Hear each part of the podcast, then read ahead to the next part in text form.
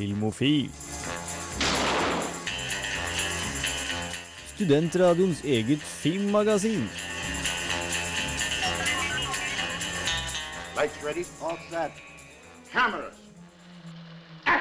Kjæreste lytter, god torsdag, god aften og velkommen tilbake, eller for første gang, til Filmofil. Dette er programmet om film, og vi snakker om film fordi vi liker film. Vi er, om du vil, filmofile. Med meg i studio har jeg Hans Ystadnes, jeg har Andreas, Hei, hei. og jeg har Frida. Hallo. Hallo, alle sammen. Jeg heter Henrik Ilen Ringel. Aller først skal jeg fortelle dere om ukas tema. Ukas tema er musikerfilm. Altså ikke musikkfilm, ikke, ikke, ikke noe annen musikktype type, Hva heter det? Musikal? Nei, nei. Musikerfilm. Filmene om musikerne og musikken deres. Vi skal eh, ta litt siden sist og på anmeldelser, spesifikt Fifty Shades of Grey. Men aller først får dere Blues Brother og mer spesifikt Ray Charles sin Shake a Tail Feather.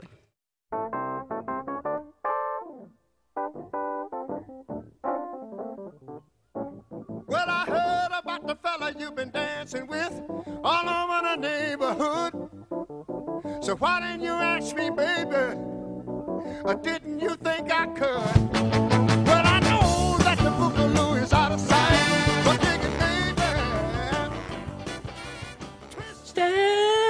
Shake it, shake it, shake Ok, uh, Første stikk er siden sist, der våre filmofile Jeg skal slutte å si det nå. Der vi snakker om hva vi har gjort den siste uka, ting vi har opplevd. Prøver å ta deg med, kjære lytter, i vår egen reise av oppdagelse om filmer. Skal vi begynne med Frida? Ja, jeg har gjort noe som er long overdue, nemlig å få sett siste episode Nei, siste sesong av eh, How Much Your Mother. Oi! For jeg aner jo ikke hva som skjer når hun moren kommer inn. Mm. Så jeg har begynt på det lange prosjektet og funnet ut at den er jo egentlig mer sjarmerende enn jeg husket den som. Så jeg koser meg med det. Jeg er ikke ferdig ennå. Men det er en typisk serie som uh, begynte så fantastisk bra, men så blir den litt dårligere, og man klarer ikke å se, man klarer ikke å se det mange ganger om gangen. Det er derfor det er kanskje litt kult å komme tilbake til den. Ja, jeg merker det at når jeg liksom fikk den litt på avstand, sluttet å forvente de der første, eller Mm. første sesongene som jeg syns var dritbra, så klarer jeg liksom å nyte det at skuespillerne koser seg i rollene sine. At, at det, måte, de har en egen stil, og de, er- er så gode venner nå. Så du merker at, det er, eh, at det er bare deilig å se på. Og på det tidspunktet her så er det veldig velutviklede karakterer. ikke sant? De har mye backstory og mye å spille på. liksom. Ja, veldig. Andreas? Jeg har faktisk sett uh, de, Det står de to første episodene av uh, How Met Your Mother uh, nå i helgen. Tilfeldig? Ja. Vi drev og Hva var det vi gjorde? Vi hadde holdt på med øl, fordi kjæresten min de bygger øl hos seg. Mm. Så jeg var der borte, og vi holdt på med det. Eh, og så var vi slitne etterpå. Da så vi eh, de to første episodene av How Much Your Mother. Så koselig med The Blue Horn og Ja, Og de ja det blå, blå alt horn. Er det ikke det althorn? Jeg tror det. hva er, eh, hva, hva er beste film du har sett nå i år? Til nå i år. Som en, som en gjest fra Nerdeprat Oi. på Radio Revolt. Er Så må vi, må, må vi prøve å ta litt. Ja, vi må, vi Eh, må å ta litt mer siden Vet du hva? I, eh, I farten kom jeg ikke på uh, en film jeg har sett i år. Du skal få én person til til å tenke deg om, nemlig Hans Hei. Hei. Eh, jeg har ikke sett eh, How Much Mother, for jeg syns ikke det er så bra. Nei. Men jeg har Hvordan vet du det hvis du ikke har sett det? Altså, jeg har jo sett det, bare ikke denne Ah. uken. Mm. Um, det jeg har sett, er en jævlig artig film som heter eh, Casa de mi padre. Som er en parodi på sånn uh, meksikansk såpeopera. Er det den filmen der Will Ferrell prater Will? Ferrell er i hovedrollen og snakker spansk gjennom hele filmen. Og det er dødsgøy. Det er en av de morsomste filmene jeg har sett på lenge. Kan han spansk på ordentlig, eller snakker han sånn tullespansk? Nei, nei han, han sier faktiske spanske ting, og så er det under, underteksting. Men jeg, jeg vet ikke om han snakker spansk eller bare har øvd seg veldig lenge på manus. Og så er det vel Will Ferrell-spansk, så det, er veldig, det, han, det, virker, det virker som paradis, selv om han sier ordentlige ord. Nei, og De har gjort det veldig sånn gjennomført med veldig sånn med vilje fake set pieces og sånne ting. da Så det ser dårlig ut på en god måte. Det, det er kjempegøy. Eh, Jeg har dessuten vært på kino og sett eh, Phoenix, en litt kjedelig eh, andre verdenskrig-dramating. Og Fifty Shades of Grey. Fuck yeah. Den skal jeg snakke litt om seinere, men Det, vi, vi gjør sånn klassisk sånn teasing, men den får dere litt senere her på Filmofil. Uh, han, uh, Andreas, har du tenkt? Uh, jeg, hadde, jeg hadde forberedt et svar nemlig på liksom siden sist, men jeg, jeg kommer faktisk ikke på en eneste film jeg har sett i år. Da kan, vet da kan vår kjære lytter glede seg til at vår gjestepanelist ikke er god på foten. Jeg har heller ikke forberedt siden sist, men jeg kan Ja, men jeg hadde improvisere. forberedt. Jeg hadde forberedt jeg, For jeg begynte å se på Twin Pinks. Det var det jeg hadde tenkt å si. Men så tok du meg på sånn film og sånn, fordi som sagt, det er veldig rart. Men Twin Peaks er jo Ja. serien jeg trodde var The Twilight Zone i sånn ti år. og så begynte jeg å se Twin Peaks, og så så jeg sånn ti minutter og sånn Det her er jo ikke science fiction. Men det jeg har jeg hørt er fryktelig bra. ja, Twin Peaks fra 19 og et eller gammel, annet lenge siden. Ja. Uh, det, er liksom, det er jo en skikkelig legendarisk serie. På tide at jeg fikk sett hele. Ja. uh, når jeg se- jeg ser den, så går folk forbi og sier 'Å, Twin Peaks'. Og, vi sier, ja. Og hvilken? Ah, eh, sesong, sesong to. Og så sier de sånn 'Å ja'. Så det er sesong én man skal Det se er av Twin sesong Peaks. én som er skikkelig bra, og sesong to bra fordi det er Twin Peaks, men det er liksom ikke helt bra. Jeg har da eh, Jeg begynner, begynte å se på sesong fire av Justified. Fordi Justified med eh, Timothy Fantastic, Mr. Fantastic Olefant er faktisk kjempekul i den TV-serien. Så Justified er å anbefale. Og så har jeg sett Comedians in Cars Getting Coffee med Joy Seinfeld. I tillegg til å se en hel haug med musikerfilmer for denne sendingen. Hvilket bringer oss pent inn på neste låt. Eh, vi har bare selvvalgte låt i dag, og det er vidunderlig. For da kan jeg få spille dere en av de veldig søte små låtene fra en ikke så søt film, nemlig Shine fra 1996. Det er altså La Campalaison med Altså, det er en list. Jeg vet ikke hvem som egentlig spiller piano, men det er i hvert fall låt!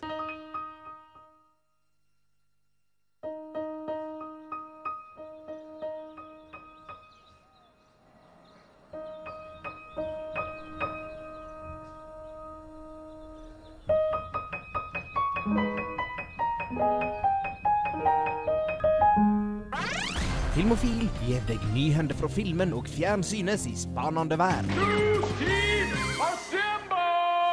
Det er på tide med nyheter, og vi går over til vår faste nyhetskorrespondent Hans Ystanes. Halloen, Henrik. Um, først så har vi en ganske artig greie som fikk meg til å tenke litt sånn Endelig! Spiderman kommer inn i Marvel Cinematic Universe. Er det bra? Ja! Hvorfor det?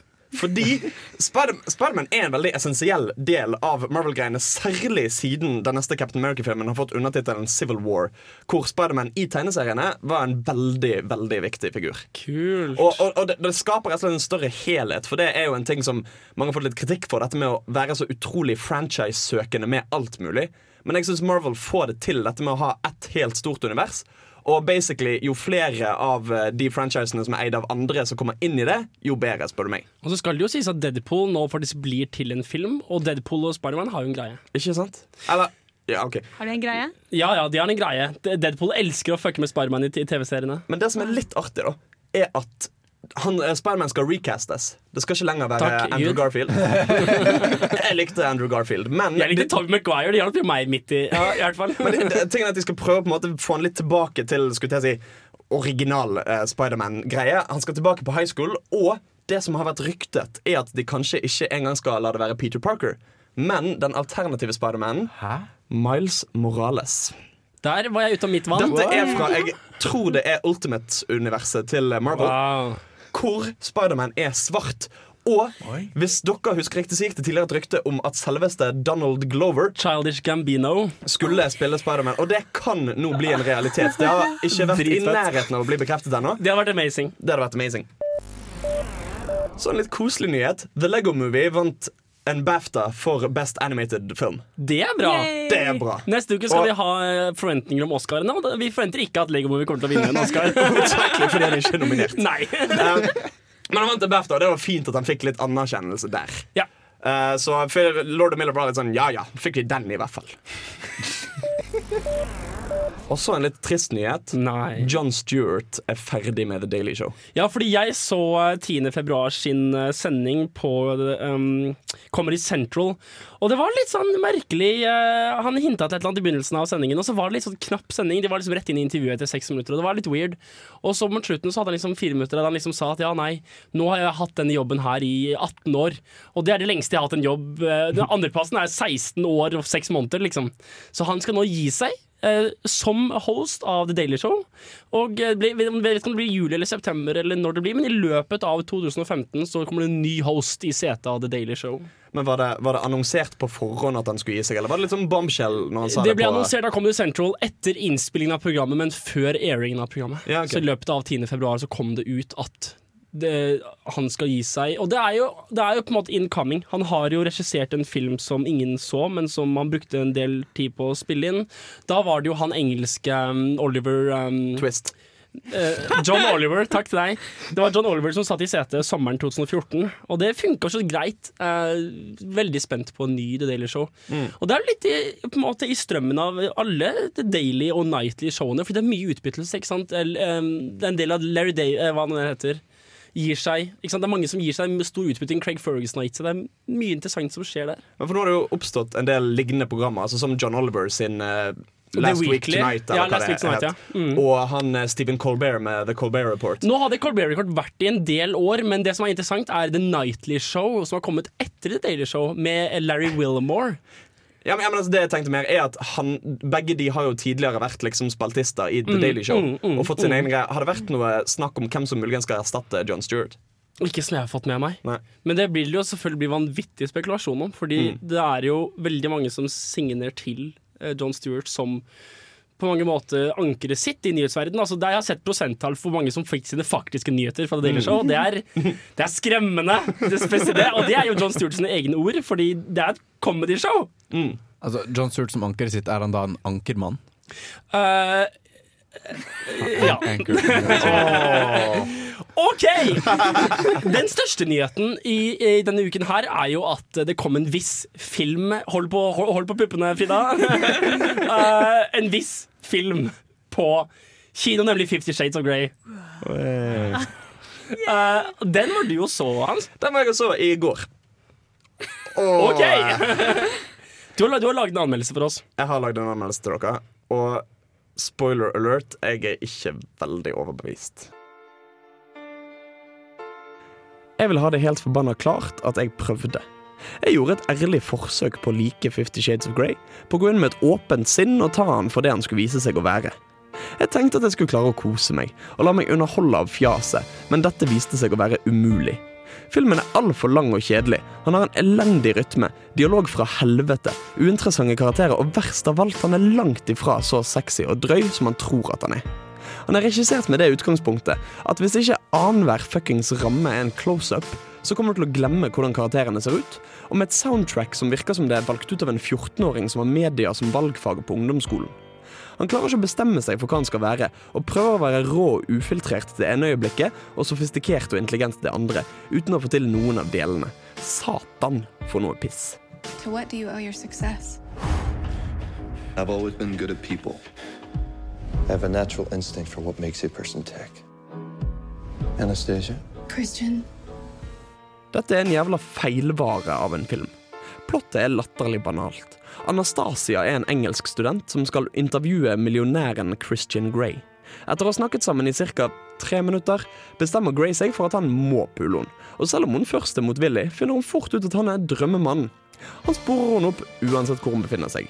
Bestemmer hva hun skal kle på seg, hva hun skal spise, hvor mye hun skal drikke, og hvem hun kan være sammen med. Det viser seg at han har et helt rom fullt av BDSM-utstyr, og vil at hun skal skrive under på en kontrakt hvor hun basically går med på å være sexslaven hans.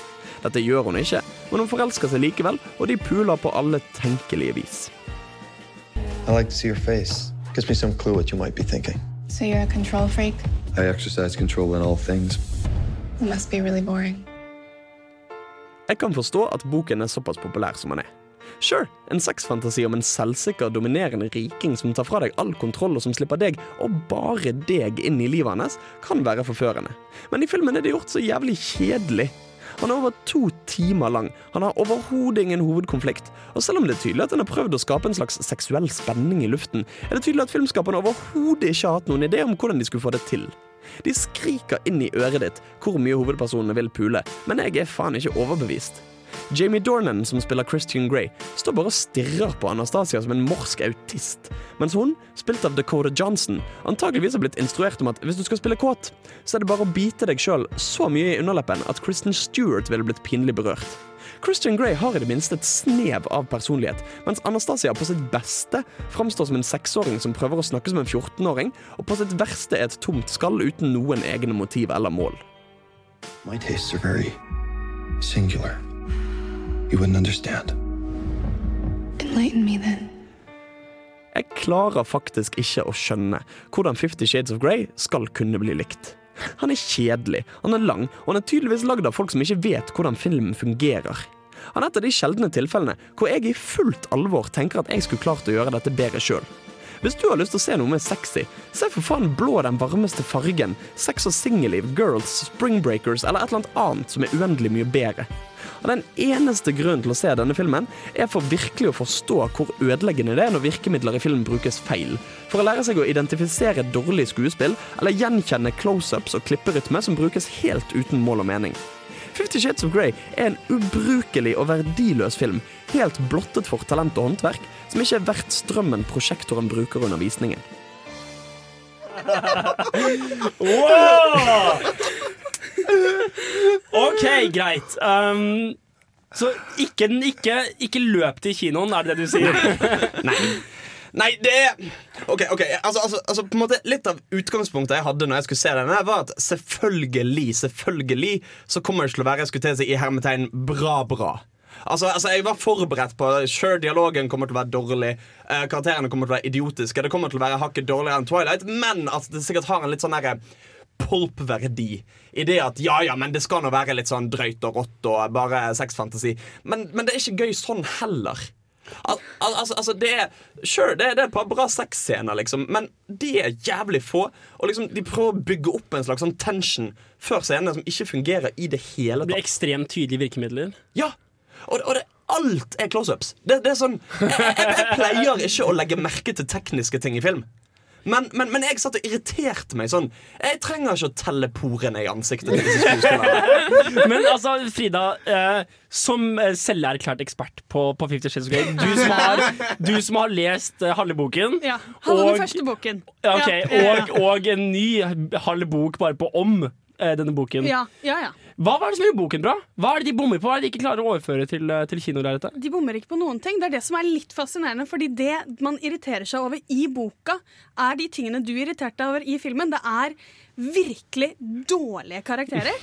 altså, de, de bruker noen sånne derre eh, beskrivelser av Anna som jeg ser mine litt uintelligente venninner poste som sånne der motivational eh, posters. Og det er det hun sier om seg selv. Det første hun sier, er 'damn my hair'. Og da skal alle kjenne seg igjen, fordi alle jenter sliter jo med at håret ikke sitter der det skal være. Så du hatleste denne boken? Uh, ja, jeg stoppet jo halvveis. Åpenbart, altså Den er kjempelettlest. Den tar jo veldig kort tid, og du klarer ikke komme deg gjennom fordi for eksempel, hun biter seg i leppa hele fuckings tiden. Og så det beskrives I boken. i boken! Og så er det, og så er det 'down there'. Er liksom veldig sånn herre Mhm, Og så snakker hun hele tiden Altså, De har funnet den verste metaforen jeg noen gang har hørt, og det er 'my inner goddess'. Og det Gud. er Hver gang hun er kåt, så sier hun 'my inner goddess was dancing barumba'. Og det er sånn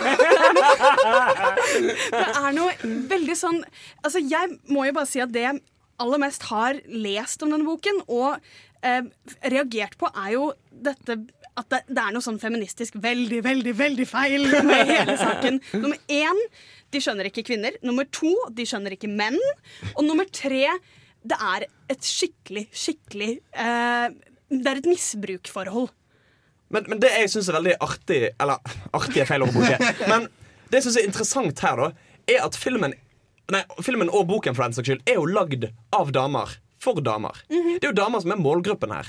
Og hvordan har det klart å bli så populært når det åpenbart, som du sier, ikke er sånn damer fungerer i virkeligheten? Ja, altså jeg vil tro at det er fordi det er veldig simpelt. Og det, det jeg merket både med Twilight og uh, Fifty Shades, er at de av mine venner som leste det, var folk som ofte ikke leste mye. Og du blir lei av klisjeer når du har sett dem før. Og Ja, for du kjenner dem igjen med en gang. ja, Så man blir sånn øh, Skal jeg kjenne meg igjen dette her? Men hvis du le leser få bøker Og disse her har jo på en måte grepet tak i et publikum som ellers ikke leser så veldig mye. Men altså, du sier det er, det er mye, det er mye uh, tankeforklaringer. Hva er det det heter? Tankeskildring. Ja. Mye tankeskildring i boka. Er det noe sånt noe i filmen? Nei, Eller, altså, altså, eller skal alt bare beskrives av hennes bitende underleppe, liksom? nei, altså Det er jo litt av problemet, Fordi nå vet ikke jeg hvordan hun eh, Anastasia fremstilles i boken. Men i filmen er hun helt personlighetsfri. Og de har jo skulle til å si takk Gud ikke hatt noe sånn narration eller voiceover-greier. Men Altså, altså jeg aner ikke hva, hva hun går rundt, og, går rundt og tenker. Hun tenker på Christian, kan jeg bare Nei, det var litt det, det jeg skulle spørre om. på en måte At Det virker som de har oversatt boken litt overfladisk. Type sånn, ok, I boken så beskriver de at hun bytter seg leppen. Da biter hun seg i leppene. Sånn? Da liksom- bit i leppene!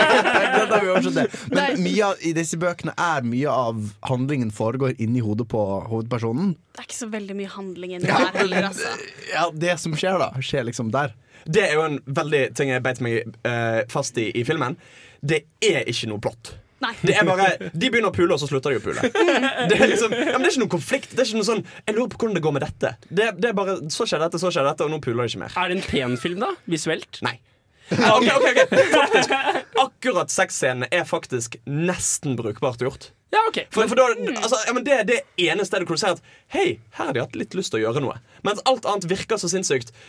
Det virker ikke som noen har hatt en tanke med hva de vil her, eller en visjon, eller noe som helst. De burde ha laget pornofilm. Ja, men Hvorfor kunne du ikke bare gjort det? Veldig høybudsjett pornofilm. Eh, Vi skal, vi skal spille, spille låt på temaet, nemlig eh, Fifty Shades of Grey eh, sin cover av Crazy in Love.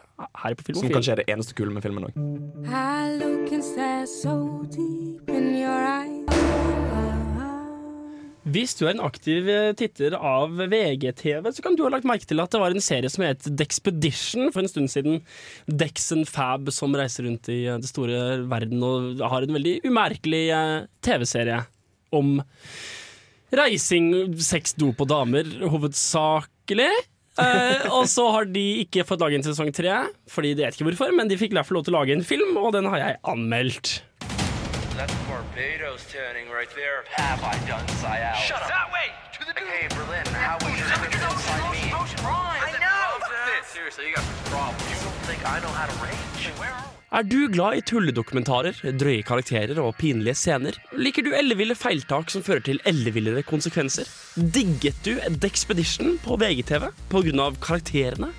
Da er The Dextape noe for deg. Regissert av Tobias Frøystad og spilt av norske Jørgen Kjøne og norsk-italienske Tayo Citadella Jacobsen. Denne lavbudsjettdokumentaren følger Dex og Fab karakterene fra hitserien Dexpedition.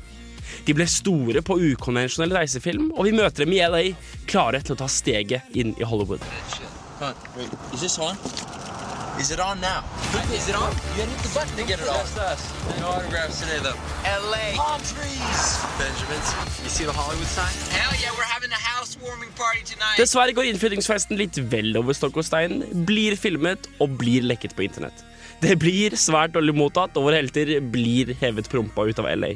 You two are acting like Charlie Sheen without the success. How am I supposed to represent you two? I don't even understand what you're even talking about. I mean, we had a tiny little party. And Tiny little party. Take Johan, make a documentary where you guys have an amazingly huge comeback. Where do I go? Where do we go? Norway? Huh. Just like LA, pretty much, right? Vi følger vennskapsbruddet, gjenforeningen i Oslo og deres personlige reise mot ny internasjonal berømthet. Og ja, det blir pinlig. What is happening right now? Look, just pretend we're not here, okay? There's never gonna be a movie. If we can get this boom out of my face, that'd be fucking awesome. Stupid piece of crap. Filmen gjorde akkurat det den skulle. Den skulle være et eventyr for våre kjente og kjære karakterer, lavbudsjett og festlig. Og det er den. Den er til og med tidvis morsom og kreativ. Vellaget er den også. En troverdig fremstilling av den amatøriske dokumentaren. Enkel underholdning. Prøver ikke å være noe mer enn den lover, og det er den heller ikke. Er du ute etter en liten latter og ikke er interessert i å tenke for mye, og du ikke sliter med pinlige scener, ja, da anbefaler jeg at du ser Dexpedition. Digget du karakterene skikkelig? Se The Dextape. Hey, what's this documentary gonna be called? We're calling it the Dex Tape. Så jeg så jo da Jeg forberedte meg med å se denne filmen og se litt Expedition på VGTV, og det var jo fett, men det her er noe annet. Du Henrik, er jo en kjent motstander av pute-TV. Ja! Hvordan var det for deg å se Det var så grusomt! Det var så mye pinlige scener. Jeg trodde filmen skulle vare en time 50, for det, det var det som Det sto at det skulle slutte ti på ett. Så jeg satt ti over tolv når den hadde vart i en time, og bare å, herregud, jeg kommer til å dø! Og jeg vurderte å gå. Altså, Drit i profesjonalisme, drit i at jeg lagde Nei, nei, jeg ville gå. Og så sluttet den heldigvis ti minutter, etterpå, mm. eh, før jeg rakk å liksom kle på meg. Uh, men Altså, det kule med et Expedition som en TV-serie på VGTV er at de drar til mange morsomme steder, møter mange morsomme folk, og det er hendelsesdreven underholdning. Hvor han Dex, som er på en måte den fargefulle karakteren, med eh, Fab som litt mer straight støttekarakter det funker, og den humoren funker, den weirdnessen funker, den håpløsheten funker fordi det er så handlingsdrevet. Du kan ikke ha en karakterdrevet film. Men, men, men er, er filmen skulle jeg si, annerledes i uttrykk enn TV-serien? Altså, Ja, ja. Jeg har ikke sett TV-serien, Ja, ja. men Nei, nei, det, du kan ikke forvente bare en lang Dexpedition-episode. Overhodet ikke. Så det var noe helt annet. Så eh, ja, eh, vi skal ikke bruke noe mer tid på det her, Fordi jeg har lyst til å komme i gang med ukens Ok, ja. Jeg bare Eh, Nei, altså det jeg lurte på er Siden de er i Norge, er dette en norsk film? Altså, er det Nei, her de, de- de snakker amerikansk. Ja, ok, ja, ok, kult det, det, det, det er jo litt gøy da At det er en sånn stor film i utlandet hvor de er i Norge. Altså, De snakker perfekt amerikansk. Jeg er litt usikker om Jørgen Kjøne kan snakke norsk. Jeg har fortsatt ikke funnet et klipp av Han er på NRK TV Latter, et opptak, og han fysj og fy. prater fortsatt amerikansk. Så noen må sjekke om Jørgen Kjøne kan norsk. I hvert fall. Uh, vi Åh. Jeg så en film i forrige uke som heter Once. Oh, den er fin. Og det er Glenn Hansard og Marke Marketa Irglova. Som, eh, som spiller et par gatemusikanter. Eller egentlig, han spiller gatemusikant. Spiller vel litt seg sjøl. Ja, Spiller han basic. et par Nei. Han spiller gatemusikant, og, og han spiller gatemusikerende eh, støvsugerreparatør. Masochist. En, en gatemasochist. uh, og, og, og hun spiller eh, en litt eh, sånn der jobbsøkende eh, d- tsjekkisk innvandrer med hele familien sin. I hvert fall. Det var den, en av filmene som inspirerte ukas tema. Ukas tema er musikerfilmer og hva som ligger bak det. Og det skal vi komme litt nærmere på om et lite øyeblikk. Først skal vi høre denne låta her, fra Once, og låta heter When Your Mind's Made Up. So You want something, then I'll running. Det var da en av låtene fra filmen Once. En film om musikere, deres forhold og at de lager musikk. Og det er det denne, sendingen skal handle om i hovedsak de neste time og 23 minuttene. Nemlig musikerfilm. Eh, personene bak musikken. Så da er spørsmålet, Hva er det som gjør det så viktig? Hva er det som på en måte Altså, Frida, du så Inside Louin Davis i vår, for et år siden. Og du kom tilbake og sa at det var veldig sterkt for deg. Ja, den var veldig fin, og den var egentlig eh, Som en person som ikke er så fan av musikk som dette generelle konseptet som folk på en måte Ah, da er det musikk, vi løper og ser med en gang. Eh, jeg har ikke det forholdet til musikk. Og den filmen klarte på en måte å bruke musikk Eller det at karakterene den spilte musikk for å forklare karakterene. På en veldig fin måte. Altså musikken Nei, filmen kom først for deg. Altså, det var ikke det du hadde hørt musikken, og Nei, nei, nei. skulle du gå og se en Ja. film om det. Så filmen fikk deg til til å falle litt i, i kjærlighet med musikken? Ja, eller det, den ble en veldig sånn klar eh, vending for meg om at jeg på en måte ble sittende og tenke litt over hvordan musikk kan brukes da, for å vise karakterenes indre liv. Fordi man er på en måte ærligere. Eller man kan veldig godt tro på at folk tør å være ærlige når de spiller en sang og har sånn halvmetafor oppå noe de føler veldig sterkt. Og hvis vi da ser historien som er bak dem, så er det Mhm. liksom Og det er fordi vi skal dele, vi skal dele temaet opp i tre. Vi skal først snakke om fiktiv film. Altså film der Filmer som depekterer musikere og deres musikk. Eh, del to blir da eh, filmer som beskriver musikere. Altså type um, eh, Herregud. Jeg har sett sikkert 70 filmer. Nei. Eh, altså filmer som beskriver musikere, sånn som uh, Ray. Selv om det, jeg liker ikke det eksempelet. jeg vil ikke si Ray. En slags biografisk Ja, altså, uh, altså filmer som, som er biopics om, Ja. om musikere. Det er del to. Og del tre er musikkdokumentarer. Altså konsertfilmer eller eller annen kamerateam som har fulgt etter. Sånn som Bob Dylan, 'Don't Look Back' 1965. Bare for å vise at jeg kan komme på en eh, film hvis jeg må. Eh, selv om du ikke er så interessert i musikken på forhånd, Frida, på tross av at du jobbet for På tirsdag i et år, uh, jazzprogrammet som var på radio. I hvert fall. Hans, du og jeg, og kanskje Andreas, for jeg får snu meg vekk fra Frida og stå og se mot dere. Vi er veldig glad i musikk. Veldig. Du går musikkvitenskap på, på Dragvoll, skråstrek Olavskvartalet. Ikke Olavskvartalet i det hele tatt. bare eh, Dragvoll. Kun Dragvoll. Og, eh, og jeg er eh, ekstremt glad i musikk og har vokst opp med en del av den musikken som vi kommer til å prate om i dag. Så for meg så er jo Jeg så en film i går som het um, Det var en, en Talking Heads-konsertvideo. Mm. Eh, Og det, det, det, det var omtrent første gang jeg har sett en musikkfilm hvor jeg var totalt ukjent med musikken. Jeg burde selvfølgelig vite hva Talking Heads-musikken er for noe, men, men den konserten var helt vill. Og det var et typisk eksempel på at jeg ble litt forelsket i musikken gjennom å se det på en såpass pent fremstilt måte. Mm. Men uh, yndlingsfiktiv film uh, hans, Barb farta. Oh, Whiplash. Det, men, hei, det, jeg skal ikke legge skjul på det. Um, men ja, altså, Den har jeg snakket mye om før. Men en en av de tingene jeg synes er kult der, er at musikken forteller deg litt som Frida sa, forteller deg noe om folkene. Det at du kan merke i musikken utviklingen som har skjedd fra sist de spilte. Og det blir på en måte som et lite sånn Hva skal jeg si, lite apropos. Et litt, et litt sånn Heller enn at alt trenger å komme fram gjennom dialog og gjennom handling, så er det en ren sånn ekspressiv greie de kan gjøre for å vise litt sånn Hvor står vi i forhold til hverandre? Hva er det som skjer nå? Hvilken sinnsstemning er jeg i nå? Men ikke på liksom musikalmåten, hvor det er sånn Jeg forteller alt jeg føler. Men det er mer sånn vise det gjennom handling karakteren faktisk gjør i filmen i forhold til andre. Og når det er gjennom musikk som er veldig ekspressiv greie i utgangspunktet, så, så jeg, vet ikke, jeg føler bare det fungerer veldig fint. Altså Jeg hørte den anmeldelsen av, av hans uh, Hvordan han sa alt det der Det var vittig kommunikasjon i musikken. Og så så jeg filmen etterpå og tenkte det, der- det der ser jeg ingenting av. Jeg, jeg la ikke merke til noe av det der. På et tidspunkt så slår hovedkarakteren en av symbalene, slik at den slår opp i haka på dirigenten. Det er det eneste! det, det, det må være så eksplisitt for at jeg får det med meg. Så jeg tror det er litt forskjellige nivåer av tolkning. Jo, men det er på en måte en unnskyldning for filmskaperne til å ta litt close-ups, da. Mm. Eh, bare for å Fifty Shades-oppfølging. ja. Jo, men eh, på folk som driver med noe, så sitter der konsentrert med noe, så de på en måte bryr seg veldig lite om at de har en close-up oppi ansiktet. Så de Mm. sitter og spiller og gjør noe som de konsentrerer seg om, og da kan du på en måte så veldig se veldig sånn rene ansiktsuttrykk.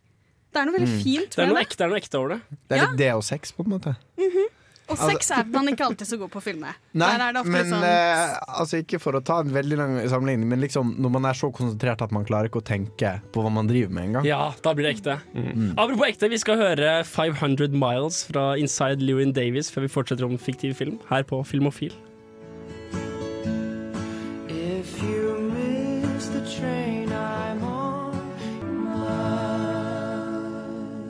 Jeg tenker at musikerfilm, eh, spesielt fiktiv film, der er musikken så mye mer og mye viktigere. Og jeg tror det er to grunner til det. Den første grunnen er at vi får se hele oppbygningen bak musikken. I Mm. musikkdokumentarer så følger du en eksisterende musiker. Kanskje han til og med er in image hele tida, at han er artisten hele tiden. Så alt du er å følge hvordan artisten er. Du lærer om hvem artisten er. Mens i en filmpresentasjon av personen så får du se alt arbeidet bak, som du snakket om i, uh, hans i Whiplash. Whiplash. Så får du se han jobbe seg til blods på trommene for å få til denne 32-dels-symbalen. Og så tar han hånda ned i is, og så opp igjen. Ah! og, og, og, og, det gir så sykt mye til Vi skal høre det siste låta i hele sendingen, som dere kan glede dere veldig til, er Whiplash fra filmen Whiplash. Den er så kul. Og der hører du veldig sånn hele orkesteret bare det er sikkert det er 1000 arbeidstimer som ligger nede for å klare dette, og de bare, de bare, de bare smeller ut av høyttalerne. Og det, det tolker du det slik fordi du har fått dramatiseringen fra filmen. Ja, og jeg, jeg har en litt uh, opplevelse av det samme, bare at det er en film som dramatiserer en lytteropplevelse. Og det er i Amadeus. Yeah. Uh, da jeg, Amadeus er en film jeg gir litt credit for å få meg til å begynne å like klassisk musikk. Ja. På grunn av scenen der hvor Salieri sitter og forklarer musikken til Mozart. Amadeus er da en film fra 80-tallet 80-tallet. eh, om eh, Mozart.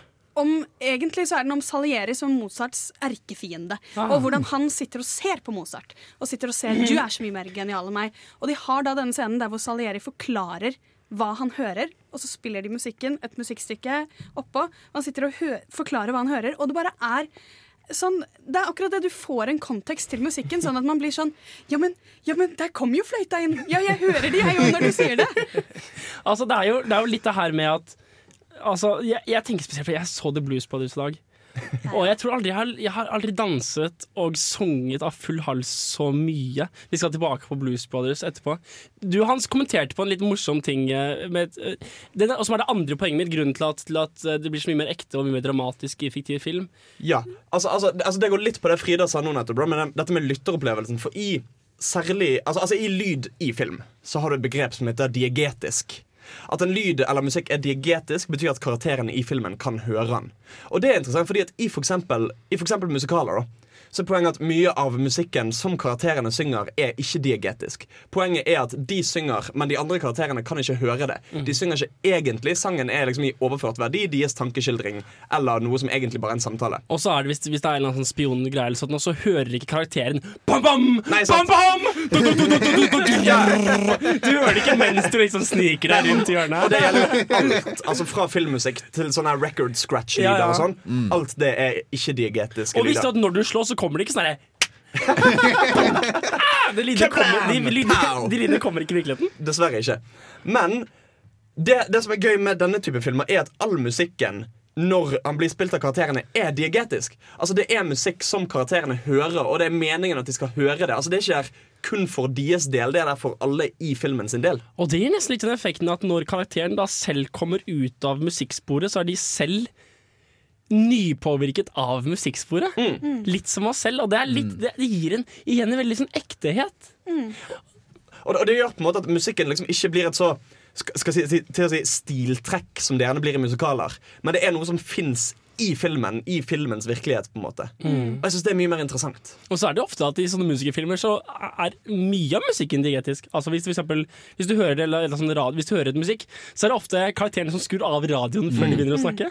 Og så blir det jo også en samhandling, fordi alle karakterene hører det. Ja. Så du, du får alle sammen som sitter og hører på samme musikk, og så er det sånn ja, dette Ja, og at de kan reagere på det sammen. Mm. Og, og de reaksjonene vi ser, er ærlige reaksjoner, faktiske reaksjoner. Fordi når det ikke Le Miserable, for eksempel. Mm. Altså, karakterene kan på en måte ikke reagere på uh, musikken med hverandre, og ikke sammen med deg. I hvert fall ikke sammen med deg. Altså, oh, det var en vakker tone. Altså. Det er ikke det er ikke noe som ber Anne Hathaway holde kjeft. Ja, altså, det blir liksom, da blir det mange lag, mens skikkelige musikerfilmer De stripper vekk alle de lagene. Mm, Mm, helt enig. Altså, det, Hugh Jackman hørte ikke bare vi- han, Alt han trenger, er å stå, stå med ryggen til, og så går han glipp av fulle fem minutter med sakte død på scenen. Liksom. Nei, jeg, jeg tenker altså, det, vi, jeg, det føler vi har kommet frem til et godt poeng, nemlig at fiktive filmer tar i bruk denne dimensjonen, denne viktige dimensjonen som er musikken, på en helt annen måte enn veldig mange andre filmer.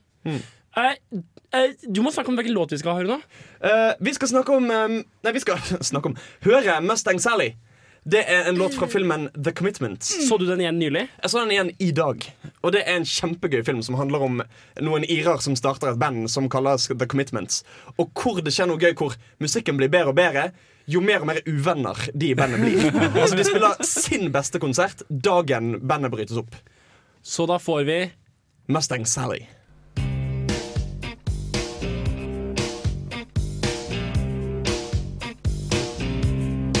Mustang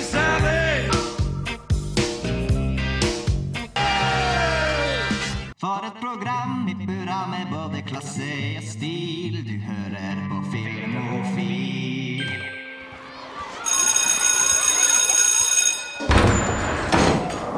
There will be no foolish wand waving or silly incantations in this class. No, okay, that's it for the day then. Today we have a similar debate over this. Anyone know what this is, class? Anyone? Anyone? Anyone seen this before? Ukens hjemmelekse. It's 106 miles to Chicago. We got a full tank of gas, half a pack of cigarettes. It's dark, and we're wearing sunglasses. Hit it. Oh, fuck yeah! Det var ukas hjemmelekse. Det var Blues Brothers. Og jeg eh, fikk tak i extended edition av denne her og startet den opp i dag tidlig. Jeg hadde ikke sett den på liksom et år. Nå skal jeg prate en liten stund. Jeg, jeg, fikk, jeg fikk ikke laget en anmeldelse, så jeg har bare skrevet masse. Skal jeg prøve å komme meg innom det. Henrik, hit it. Dette er, det er Takk. Eh, åh. jeg, glemt, jeg hadde glemt at dette var en topp ti-film for meg. Uh, det er ikke bare det at Det er ikke bare det at jeg vokste opp med filmen. Det er ikke det at jeg Det er ikke bare det er ikke bare at jeg elsker musikken, jeg har vokst opp med musikken. og Dette er musikken pappa lærte meg. Det, det, det, dette er en perfekt film. Det er de beste biljakkene, det er de beste musikknumrene, det er utrolig kul humor. Det er liksom John Belushi fresh ut av Animal House. Filmen regissert av John Landis, regissøren av Animal House. Dette er på tida hvor, hvor The Blues Brothers er et band som har blitt startet som en spin-off av en Saturday Night Live-idé som Dan Aykroyd og John Belushi kom opp med. De har da en Altså, på det tidspunktet filmen blir stor, så er John Belushi nummer én på TV, nummer én på hitchartsene med en av Blues Brothers-albumene, og nummer én på TV, eh, på film. Altså er, hvor, hvor skal man begynne? Dette er en storbudsjettfilm. ok? I 1982 ble ET laget. 10 millioner dollar budsjett. Empire Strikes Back eh, 18 millioner. Eh, Raiders of the Lost, Ark 18 millioner. Back to the Future 1980 1985 19 millioner. Hva var budsjettet på Bruce Brothers? 27. 27 millioner kroner. Det er, det er mer enn noen komedie noen gang før. I løpet av den filmen så er det en biljaktscene der de hadde kjøpt 60 politibiler på auksjon. Og det var helt frem til 1998 den filmen med mest ødelagte biler i en, i en, i en eh, biljaktscene. Og hvilken film slo den? Oppfølgeren. Altså, det, altså, det, altså det, er, det er så, det er, Den filmen er så vidunderlig weird. Altså, det er så mye utrolig kult, men det er basically en eneste lang jakt. Det begynner med at, med at Jake Blues slipper ut fra eh, fengselet. Rett etterpå blir de stoppet av politiet, og siden da så er det en eneste lang jaktscene avbrutt av musikalske numre. Og de blir jaktet på av nazier, de blir jaktet på av, av redneck-band, de blir jaktet på av politiet, av militæret, av FBI. De blir jaktet på av absolutt alle! Og det er så mange kule karakterer i filmen. Aretha Franklin er med og synger en låt. Ray Charles er med og synger en låt. Det var den første låten dere hørte i dagens sending. Altså ah! Frida, mens jeg tre- trekker pusten. Ja, for jeg så den jo første gang faktisk som hjemmeleks før jeg startet den en gang. Og så syntes jeg den var kjedelig, og så skrudde jeg den av. Ja, ja, eh, jeg syns ikke den var kjedelig. Det var et fint antipoint til min. Jo, jo, men jeg syns ikke den var kjedelig nå. Jeg synes den var veldig fin. Og det, det jeg ble sittende og tenke på, var at den var Den minte meg litt om den Oh Brother Where Art Thou. For den er så Mm, mm. eventyraktig. Og weird på samme måten. Ja, Uvirkelig, på en måte. Det de på det, det som slo meg, var at det virker som de har prøvd å lage filmblues. Altså sånn Å ta bluesmusikken og gjøre det i filmversjon. Altså Hvordan de går kledd, det er rart. De skal Mm. ikke gå kledd sånn. Hvordan eh, kirken er. Ikke sant? Det er, det er på en måte eventyrlig bluesaktig. Og på mange måter så beskriver den også bluesen fordi de er, de er så på en måte utenfor samfunnet. Du har den scenen der han sitter i Chicago sine gater, og eh, trikken passerer forbi. Han sitter Mm. bare i vinduet mens, mens eh, John Blues da sovner og sitter Dan Aykroyd der alene i, i karmen.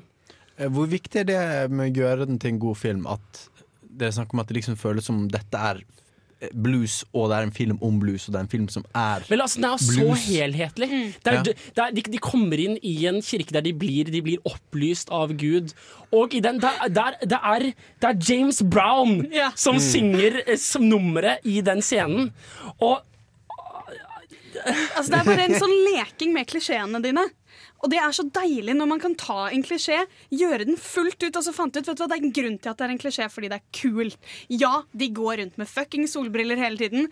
Det, på en måte, det virker jo ikke egentlig, hvis man skulle satt seg ned og vært kjip og vært sånn OK, men hvem faen går rundt med solbriller? Men det er sånn man vil at bluesfolk skal være. Så de klarer liksom å lage en hel sånn eventyrbluesverden. Og det er det hjelper, deg, det hjelper deg å høre musikken også, fordi du er så veldig inne i den stemningen.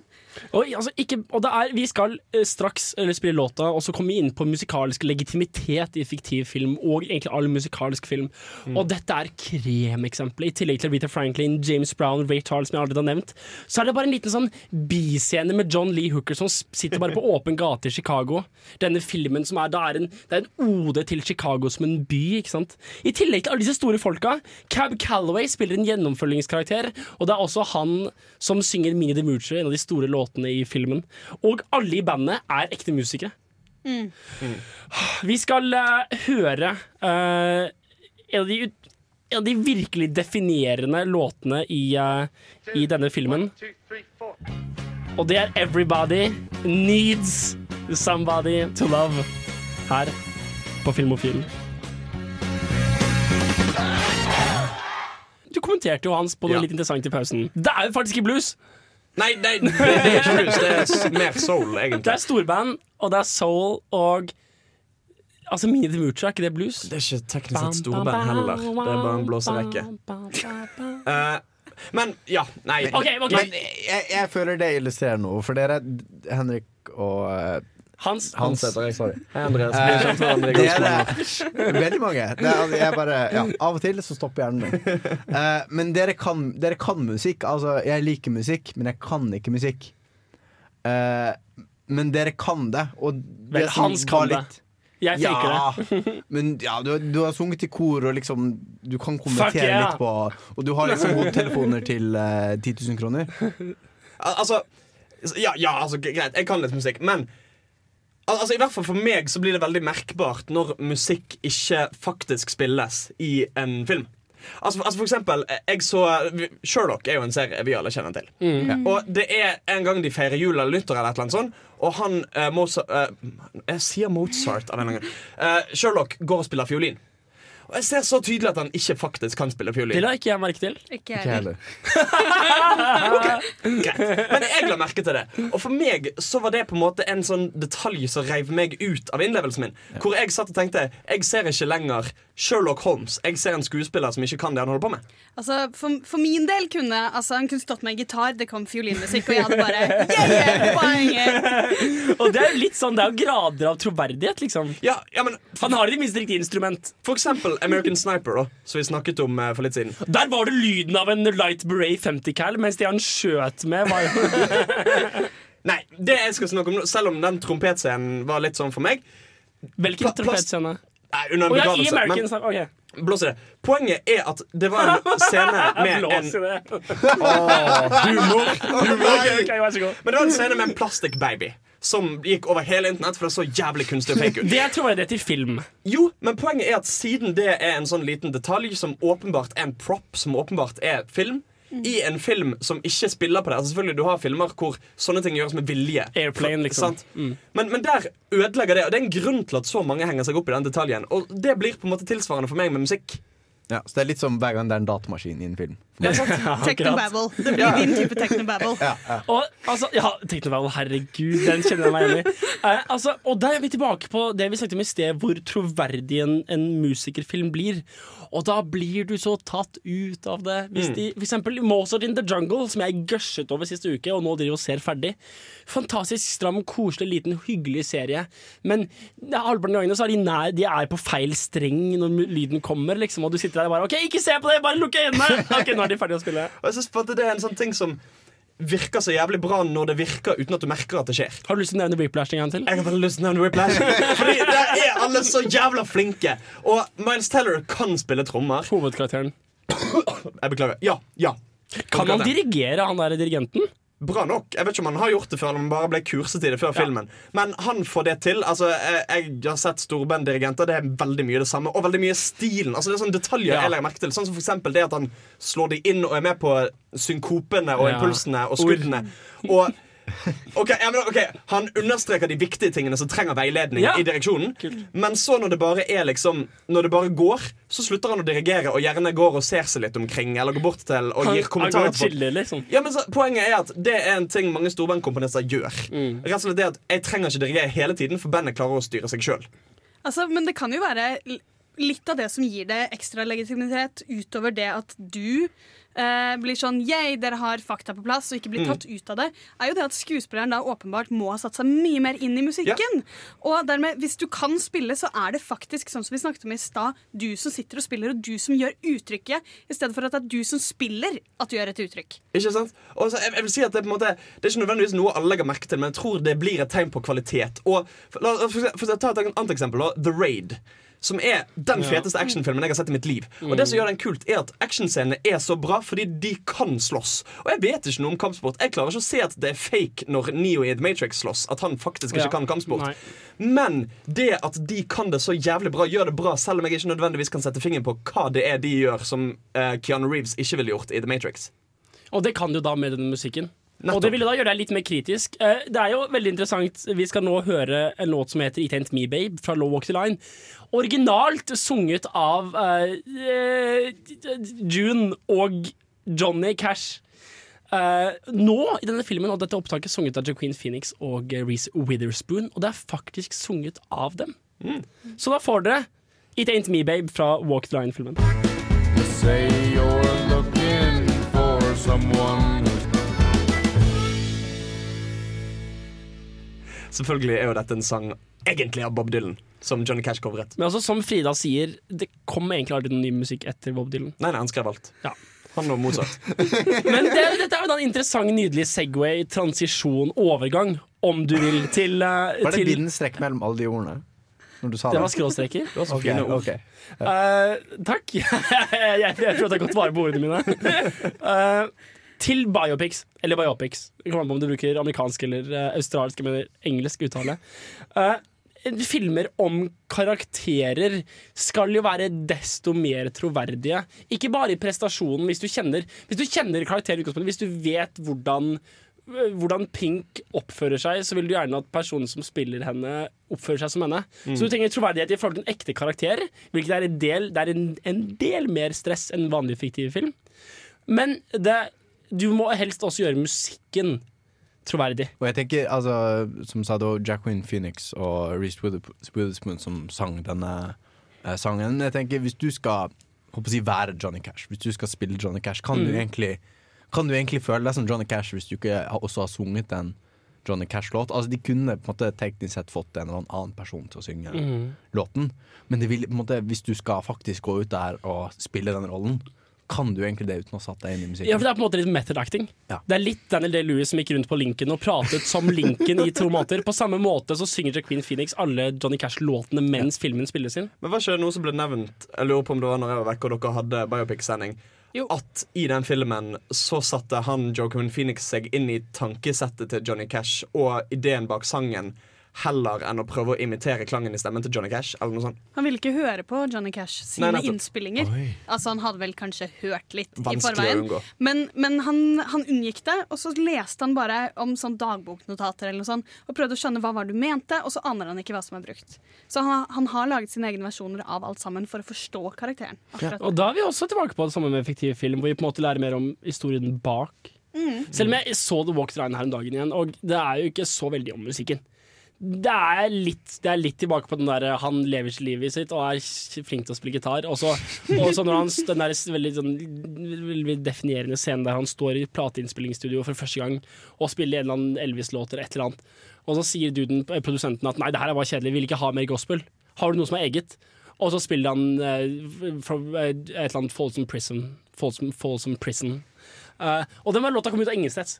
Så den, den, den filmen har ikke på en måte musikkproduksjon i seg. Men altså en, en film som har mer På en måte en mye mer flytende overgang fra musikk til karakter tilbake til musikk.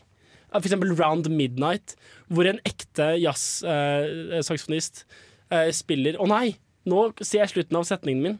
En fiktiv karakter. Faen. Nei, vel greit. Noen, noen, andre kan bidra. Hans. OK, ok, datt helt ut av den setningen der. Jeg, jeg falt av. Der er, der, er det, der er han og saksofonen hans. Han sitter i Paris i en eller annen sånn nattbule og spiller saksofon. Uh, film er dette? Round Midnight, en gammel jazzfilm. Og der er det bare Altså, han puster og spiller saksofon like naturlig. Egentlig spiller han Mm. saksofon mer naturlig, for han er litt sånn gammel og alkoholsk. og der er det, det, det er liksom akkurat det samme, og du ser hvor musikken kommer fra. Du ser at livet hans er denne musikken. Mens med Johnny Crash er det bare slik at da han lever livet sitt, og så har han denne musikken i baklomma. Som om han fant den på gata en dag, liksom. Men ja, livet hans handler ikke om musikken, sånn sett. Nei, livet hans handler om å prøve å få faren sin fornøyd og, å få tak i så mange piller som mulig uten at Reece Witherspoon oppdager det. Det er det filmen handler om. Og så er det en traktor på et tidspunkt. Men det er også en forskjell på mange filmer hvor Altså For eksempel hvis du tar Eight Mile, da. Så, jeg, så, så føler jeg på en måte mye av inntrykket jeg fikk av den filmen, var at problem, altså, altså Problemstillingene har ikke nødvendigvis med musikk å gjøre. Altså Det handler mer om at Eminem skal prøve å hevde seg uh, i den kulturen, og så er tilfeldigvis musikk det de holder på med. Ja, Den oppfatter jeg at det er ofte at uh, biopics og musikere ikke egentlig handler så mye om musikken. Jeg synes jo faktisk 8 Mile var jo en av de stedene hvor du ser at musikken hans er et svar på den, det miljøet han er i. Det er Så- hans opprør mot liksom Ja, eller, det er hans måte å på en måte takle miljøet sitt på. Men her må jeg stille litt spørsmål. Fordi altså, er 8 Mile en biopic? Nei, det er også effektiv. uh... Ja, fordi hvis, du, hvis noen finner opp Wikipedia-siden litt kjapt Fordi han spiller ikke Han spiller ikke Marshall Matters, han spiller ikke Eminem men han spiller, Han, eh, han oh, spiller en annen hvit rapper fra Detroit. Ok, kom fra? ok, men, men, Men altså, det er ikke liksom en biografisk film? Nei, altså det, den sier, Wikipedia sier det er en biopic, men han spiller ikke Marshall Matters. Han spiller ikke seg selv, han spiller en person som er svært lik. Spiller han, spiller, han Slim Shady? Er det det som er liksom Nei, altså han spiller altså, et, et, Han har et eller annet navn. Og det samme med eh, ja, jeg skal faktisk trekke frem dette. Get Rich or Die Tryin'. 50 Cent, Uh, med yes! 50 Cent. For der spiller han ikke Curtis Jackson, han spiller eh, Marcus en eller annen. Marcus Maxon. Ja, men liksom et svært likt liv. Eminem heter faktisk eh, Jimmy B. Rabbit Smith jr. Bare så det I er klart. I det Ja. Nei, det er 8 Mile. Det er, det ja. ja. Men altså, er, det, er det kanskje en slags forsvarsmekanisme både Eminem og 50 Cent har tatt i bruk? Det med at de har lyst til å lage en film om seg og sin musikk, men de har på en måte lyst til å unngå at det skal være sånn Hei, se hvor kul jeg er på alt jeg gjør. Så jeg sier at jeg ikke er meg sjøl, men Jimmy CB Rabbit uh, Smith jr. Eller er det på en måte motsatt? At de har ikke lyst til å måtte fak si det som faktisk skjedde? De kan Mm. sånn Og så gjør jeg den dritkule tingen, og så vil alle skyte meg, men jeg banket det, og bare Og så vil alle damene ligge med meg, og så Det er en brag-story-film. Men uh, så noen Door, The Doors, den filmen? The Doors fra 1991. Med Val Kilmer. Med Val Kilmer, hvor han, Det sa vi på sitt biopic, ikke det? At han sendte inn opptak med sånn Mm. ti spor. Og så sa han ok, hvilke er meg, og hvilke er James eh, Hva heter han? Morrison? Jim Morrison. Jim Morrison. Og så var alle var Val Kilmer. Eh, jo, eh, en film som er en Det, det er en faktisk depiksjon av en jazz-saksofonist. Er Bird fra 1988. Regissert av Clint Eastwood, damer og herrer. Han en Charlie Parker, tilfeldigvis. Og det er Forest Whittaker, som jeg ikke vet om kan spille saksofon. Spiller han Charlie Parker? Som Charlie The Bird Parker. Og pass nok så har vi tilfeldigvis en låt her. Så kult Som heter Parker's Parker Smooth fra Bird Original Picture Soundtrack.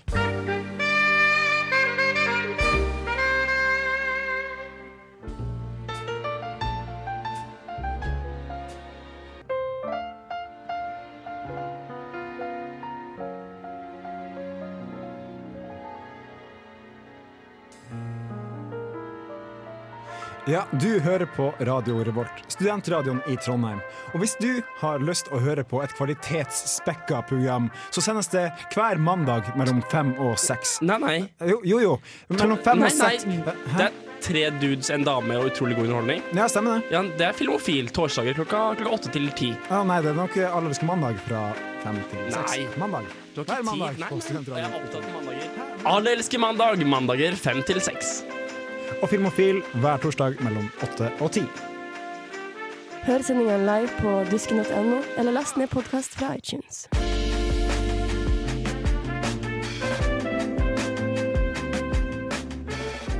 Play it once. Det er jo alltid å ha musikk når den er påtent. Helst noe indisk eller pakistansk. Ukas filmlåt. Og etter hvert som vi beveger oss ut av biopics som tema, siste lille krampetak fra yeah. passende nok Bob Dylan, the creator of everything and anything. Du har faktisk sett I'm Not There, Hans Ystadnes. uh, når jeg var på en pretensiøs filmklubb i Bergen. Fins det andre? Hva? Filmklubber som ikke er pretensiøse? Ja, eller som åpne- filmklubber som ikke er i Bergen? Nei, nei, nei, nei film, filmklubber som er skikkelig åpne for sånne sequels og folk som ikke kan noe om film. Fordi den filmklubben har ikke jeg vært på. Nå har ikke jeg vært på så veldig mange filmklubber. Uansett. Uansett. Eh, det er en veldig kul film, faktisk. Den er litt sånn antologigreie, hvor forskjellige skuespiller, skuespillere har avbildet Bob Dylan i forskjellige deler av livet hans, pluss at det er noen som spiller andre roller, som skal på en måte forklare litt av bakgrunnen og sånn til Bob Dylan. Og det, det, det er gjort på veldig interessante måter. Um, hvor for eksempel et av segmentene er Kate Blanchett, som spiller Bob Dylan, og ser så jævla lik ut at det er helt Jo, skummelt. men Er ikke hun mistenkelig mannlig i mange filmer? Hun er det. Ja, hun er det. Og, og hun gjør ofte Nei, det, det ble en digresjon. Hun gjør ofte litt kule ting.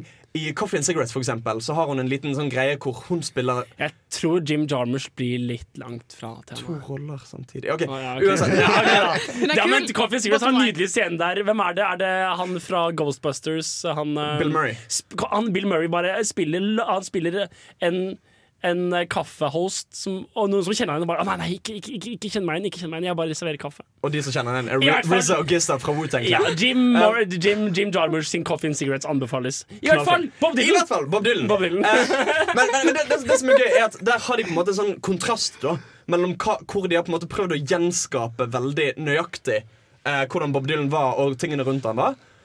Og så er det noe, noen scener hvor de har idealisert det veldig og på en måte mer forteller gjennom subtekst hva som foregår, og hvordan dette har påvirket Bob Dylan sitt liv. For eksempel så er det en av eh, et av segmentene i filmen hvor det er en liten svart gutt som sikkert er 10-12 år gammel, som reiser rundt med en gitar og presenterer seg sjøl som Woody Guthrie. Ah. Og, fort, og for, forteller om alt han har opplevd, og når han var i krigen. og sånn mm. Som om han var Woody Guthrie og bare reiser rundt og snakker med folk. Som er en litt sånn eh, Hvem i all verden er den lille svarte gutten? Og det er viktig å få med seg Guthrie er eh, originale Den store inspirasjonskilden til Bob. Dylan. Og Bob Dylan begynte også som folkemusiker, og det var det Woody Guthrie gjorde stort. Eller var stor i. Mm. Og Woody. Guthrie er jo også mye av grunnen til at Bob Dylan har fått på en måte et image han egentlig ikke er glad i. For- ja, og, og, det, er derfor du har i filmen Don't Look Back fra 1965, der Bob Dylan på mange måter leder transisjonen fra folkemusikk inn i rockehistorien. Mm. Og hvor han liksom går fra å være en person på scenen med munnspill og kassegitar, til å koble gitaren til en amp og begynne å lage bråkmusikk. Og hvor han snur ryggen uten å se tilbake, Don't Look Back. Snur ryggen til sin fanskare som er glad i folkemusikk. Mm. Og han går inn i rocken. Ja. Og er det, er, det, er, det, er det musikk i denne Don't, don't Look Det er Nei, det. eh, I'm not there. er det bra musikk? Er det troverdig? Ja, mye av det er veldig fint. Og de har klart å gjenskape mye. Og blant annet en av de som vi skal høre nå, er Glenn, Glenn Hansard og russisk frøken Russiskarsen. Eh, Tsjekkisk. Tsjekkisk, mener jeg. Eh, fra filmen Once, som har gjenskapt en av eh, sangene hans. Det skjer i filmen. Det skjer i Så filmen. det at, det kan- at Once har en sånn kjempefin tråd gjennom denne episoden, er ikke fordi vi følger filmen, men skuespilleren er med i denne filmen også. Det kan jeg ikke huske i farten. Det er lenge siden jeg så den. Hvorfor de covret den, da? Det er fra soundtracket fra filmen. Det var vel en greie de gjorde, vet da faen. OK, dere får Glenn Hansard og Marketa Irglova med You Ain't Going Nowhere.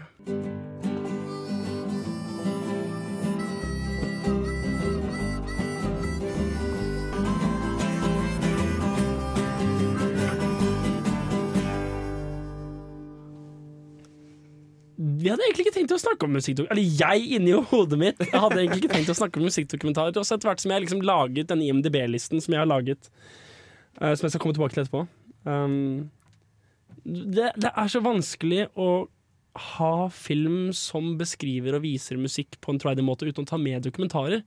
Fordi det er så mye, så mye av min kjærlighet for musikk som gjør at jeg liker musikerfilmer, kommer fra musikkdokumentarer. Og konsertfilmer som jeg oppfatter er en litt sånn dobbeltgreie. For du har ofte intervjuer på bakgrunnen, og du har ofte commentary tracks og en del sånne ting. Så det blir mus musikkdokumentarer og konsertfilmer er ofte litt det samme.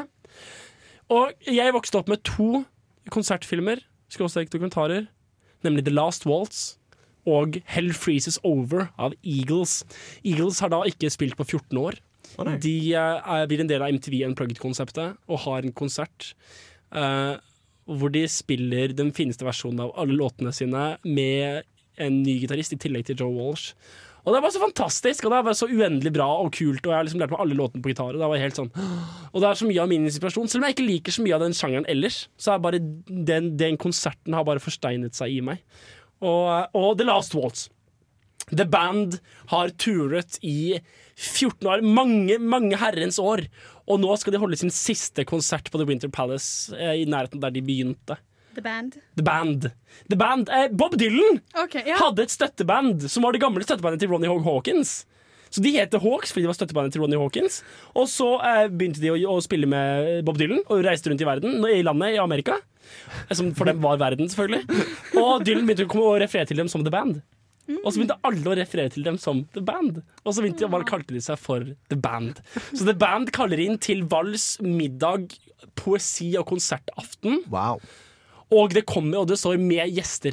Og til denne konserten kommer Bob Dylan. eh, Det kommer Dr. John eller Mac Rabenack. Det kommer, eh, det kommer eh, Å, herregud, hvem er det som ikke kommer? Eric Clapton kommer. George Harrison kommer. Og de bare spiller så utrolig mange kule låter, og det er den låten vi skal høre etterpå. Ja, altså er på en måte Poenget der at siden det bare er backingband, liksom, så er de gjestevokalister da, eller? Nei, altså de, har, de, spiller, de spiller låter de har spilt med disse folka før. Ja, ok Så de har flere av dine egne låter. Den vi skal høre etterpå, The, The Night Ray, They Drove All Dixie Down, er en av deres låter som de ble store med i en av sine uh, egne album. Ja, ja, ok, så de Jeg kjenner ikke til dette. Så de skrev originallåter sjøl og drev på som band sjøl uten Dylan og uten han der andre fyren? Ja, i, i tillegg, ja. Og det, poenget med The Last Waltz er jo at den er jo da eh, laget og regissert av han derre Å, herregud, hva er det han heter? Han heter eh, Martin Scorsese. Og Martin Scorsese var, han var med å produsere den berømte Woodstock-konsertopptaket. Som er et ekstremt Han var med! Han var, ikke, han var ikke ansvarlig for det, men han var med å lage den. Så han er liksom fresh derfra. Fresh, fresh fra veldig store filmer. Og Martin Scorsese kommer i kontakt med dem. De, de tenker at de skal ha denne store konserten The Last Waltz. Og de tenker at, skal ikke vi ta det opp?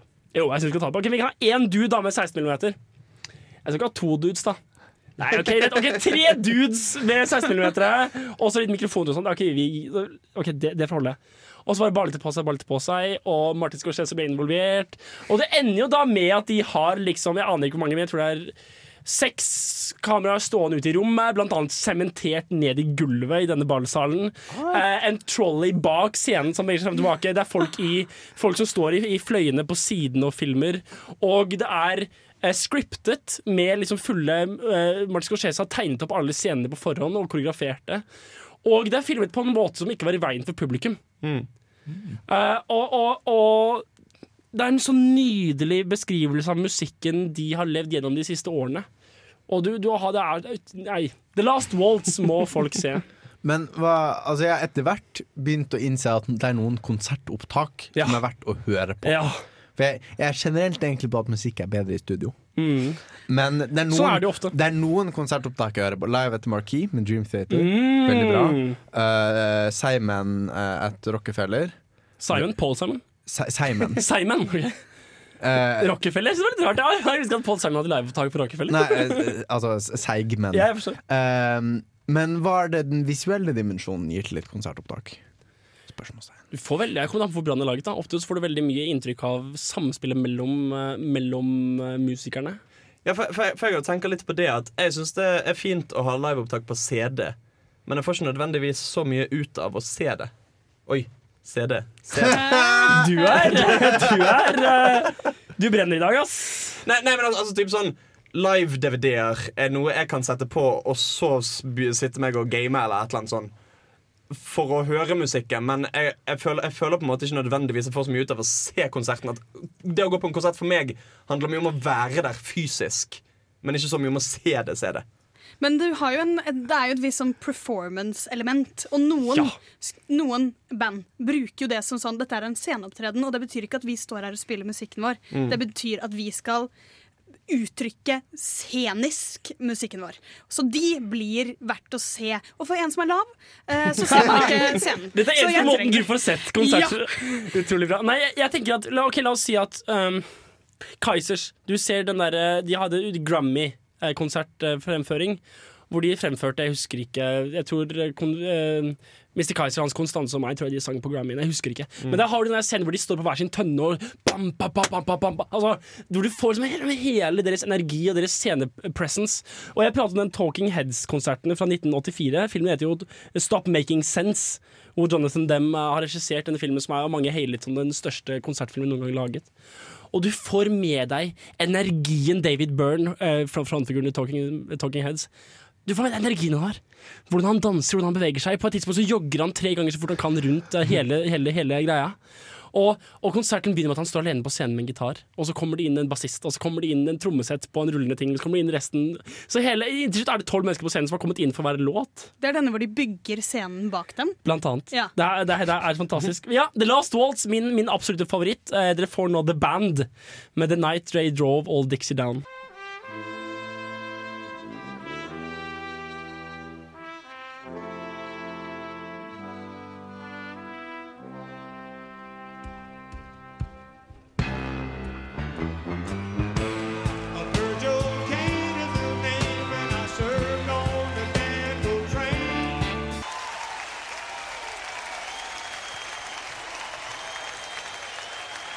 Så for å prøve å binde litt inn til det vi snakket om tidligere her på Filmofil, så snakket jeg om hvordan i fiktiv film så får vi se mer av hva som ligger bak artisten, og hvordan musikeren kommer seg frem til musikken sin. Og liksom samarbeidet mellom musikken og musikeren. Mens i musikkdokumentarer så får vi fremstilt hvem artisten er.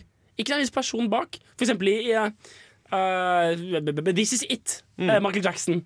Hvor du får se han forberede sitt siste show, eller Nei, ingen sa at det skulle være hans siste show. Eh, hans, hans store comeback eller whatever tour i det O2 Arena. Hvor du liksom trener inn i koreografien, og du får liksom se hans vanvittige rå musikalitet, og hvor Ja. Men altså, tar jeg feil, eller var det en slags avskjedskonsert før han skulle pensjonere seg? Ja, det vet jeg ikke. Jeg, jeg, jeg, jeg tror ikke fremtiden var så godt planlagt. Uh, men han, han døde jo før noe av det skjedde. Altså. I hvert er fall, This Is It er jo da på en måte at de prøvde å redde skipet, og hadde en del cool documentary f- fått footage. Så du får se hans råmusikalitet, du får se entusiasmen han har for musikken, du får se hva, måte, hvor god han er. Samtidig som du får høre hvordan regissøren Eller hvordan, hvordan produsenten snakker til han. Is that okay, Michael? Is that a good height for you, Michael? We're gonna move that down now, Michael. Yes, Michael. Og det er liksom Du får, se- du, du får, du får en, en, et blikk på han utenfra som ikke nødvendigvis er så positivt. Det er jo noe jeg liker veldig godt med en dokumentar jeg så på Bergen internasjonale filmfestival. Jeg er artsy. Ah, Som heter eh, The History of Anvil. Om eh, metal-bandet Anvil. Og jeg er over middels interessert i metal. Langt overmiddels over middels. Og jeg har aldri hørt om Anvil før du nevnte det. Det er gøy at du sier det, for det er hele utgangspunktet for dokumentaren. Anvil var et uh, metal-band som turnerte mye sammen med annet De har turnert med Metallica, de har, de har turnert med Van Halen. Uh, Motley Crew. Kjempemange. Sånn alle som tar på Anvil, blir suksessfulle. ja, men det er det. Fordi at de, de var ikke store, men de var en del av den scenen Mm. når kjempemange sånne band ble store. Men de ble aldri store. De, altså, altså Denne filmen følger de liksom i dag, og det er en gjeng med gubber i typ sen 40-, tidlig 50-årene Mm. som fortsatt spiller på puber og i bryllup og sånn. Men de går kledd som heavy metal-folk med langt hår, og er, er veldig sånn Ja, nå ser vi han ene på arbeidsdagen sin som bosstømmer. Før han skal på konsert senere samme kveld. Og på en måte Sorry. Mm. Det er på en måte Det kunne vært du, Hvis du hadde hatt den akkurat samme filmen, bare at de var 14, de som drev restaurant, så hadde det vært greit. Men det er godt voksne karer som faktisk har spilt med og vært inspirasjonskilden til band som Metallica og Van Halen. Og eh, apropos 14 Vet du, så En av, om ikke den største, i hvert fall sånn topp to, topp tre eh, største filmen i Norge i fjor. Hva? Filmen om livet til Isaac Elliot. Å nei, er det han det har dere hørt Det om? er, det, det, er, det er, Justin Bieber? Bieber to? Ja, den nye Justin Bieber, og han er finsk-svensk. Han er gammel nå, må jeg bare si. Eh, Hvor gammel da? Nei, altså, nei, han er jo ikke gammel, Han men er han, han er 12, ute igjen. Old news. Ja, old oh, ja, okay, ok, han er ja. gammel. Mm. Fordi han er fortsatt sånn tolv. Det er så fascinerende å ha liksom en film om livet til noen som er tolv. Akkurat født. Ja, for Jeg har også sett en Never Say Never om eh, Justin Bieber. Mm. Og det, det er samme greie hvor du bare innser sånn Dette er en unge, og vi har satt han Dette er en unge med ganske ille ADHD. Han er for liten, og du bare får lyst til å gi han en klem. Og du bare får lyst til liksom, Litt sånn som du sa med Michael Jackson. Du bare ser folk liksom lulle han ut, og han må stå i en posisjon han bare ikke kan tåle å ta. Og det er fascinerende, fordi der, selv om du kanskje ikke visste hvem han var, og jeg aner ikke hvem han er på forhånd, så for meg så vil ikke det være noe forandring av image. Men for eksempel Some Kind of Monster, Gud. som er en veldig eh, bra laget dokumentar om Metallica når de skal lage oppfølgeren til Black Album. Eh, og det skulle bli albumet Some Kind of Monster. Og du får se hvordan de kommer tilbake til studio og skal begynne å lage musikken. Og, og jeg likte jo det bandet på det. Jeg liker Killmall, jeg liker The Black Album, jeg liker den, den musikken. Men jeg respekterer ikke musikerne lenger etter å ha sett den dokumentaren. Nei, altså fordi Mye av det som gjør disse dokumentarene interessante, er at vi, vi setter en kobling mellom musikerne og musikken de lager. Ja, ikke sant? Den koblingen er ikke alltid behagelig. Og så blir det litt, litt avdekket med disse typer dokumentarene, og det er jo veldig spennende. Mm. Uh, en, en, eh, en trolig fin dokumentar som også uh, retente en liten mus musikksjanger, er jo Buena Vista Social Club. Som jeg da selvfølgelig lærte av min tante, for min tante er min andre store mu musikkinspirasjon. Uh, Buena Vista Social Club var en koselig greie i Havanna på 40-tallet. Og så reiser det noen folk ned for å gjenoppdage dette. Disse folka som fortsatt lever, og fortsatt er der og sitter rundt. Uh, dere skal få høre en låt fra den dokumentaren nå, uh, nemlig Kan Kan, som er en av de bedre, uh, mer, mer kjente, mener jeg, låtene fra det soundtracket.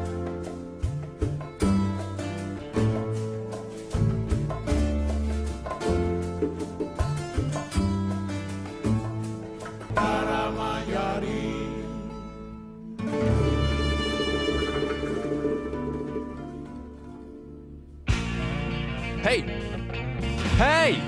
Det er ikke 90s sitcom-flashback. Ta og Skru på noe annet. Ja, bedre, men prøv igjen. Der, ja! Ahem. Filmofil presenterer ukas serie. It all started with the idea of recording at different studios all over the country. Doing something to make it new. You can tie all of these people and places together with these sonic highways. This is a musical map of America. Apropos The Blues Brothers, som vi hadde tidligere, som på mange måter var en presentasjon av Chicago som en bluesby, så har The Foo Fighters, eller bare Foo Fighters, eh, trommisen fra Nirvana, altså eh, David Grohl, har, eh, har laget Og da frontman i Foo Fighters, da. Lager nå en TV-serie som går på NRK, blant annet, eh, som heter Sonic Highways. Der Foo Fighters reiser rundt i Austin, Chicago, Joshua Tree, Nashville, New Orleans, New York, Seattle, Washington DC.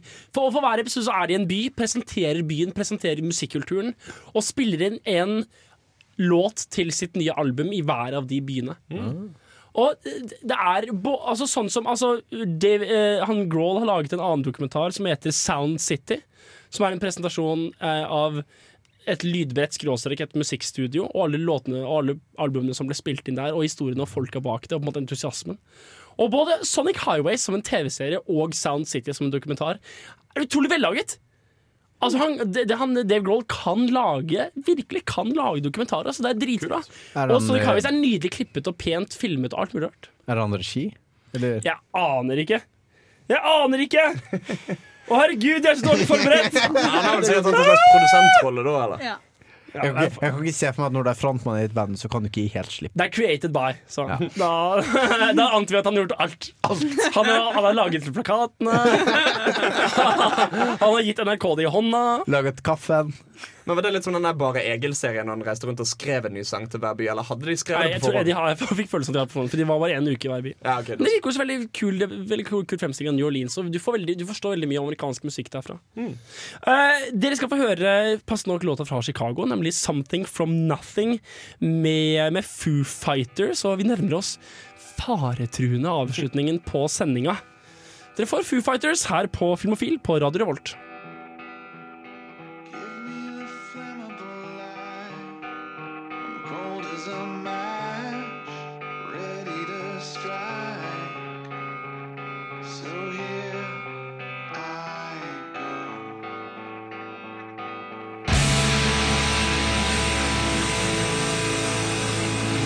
Og der har Foo Fighters eh, banket seg ferdig. Eh, det var ukas eh, sending av Filmofil. Det har vært eh, Henrik. Hans. Andreas. Frida. Og vi har snakket om musikerfilm. Vi har anbefalt mye rart, egentlig. Uh, Buena Vista Social Club, The Last Waltz spesielt. The Wall har vi ikke nevnt, for The Wall er den eneste lange musikkvideo om en, eh, om en diktator. Get Eh, rich or die trying. Eh, jeg har laget en IMDb-liste som jeg kommer til å dele på Facebook, eh, som er musikerfilm. Kule ting du burde se. Så en IMDb-liste for deg som har lyst til å titte litt på filmer anbefalinger. Neste uke er det Oscar! Oscar-forventninger. Vi skal snakke om hvilke filmer vi tror og burde vinne. Så bare se så mange Oscar-filmer du kan. Det har vært Filmofil. Tusen takk for oss, og like oss på Facebook og Soundcloud. Ha det bra.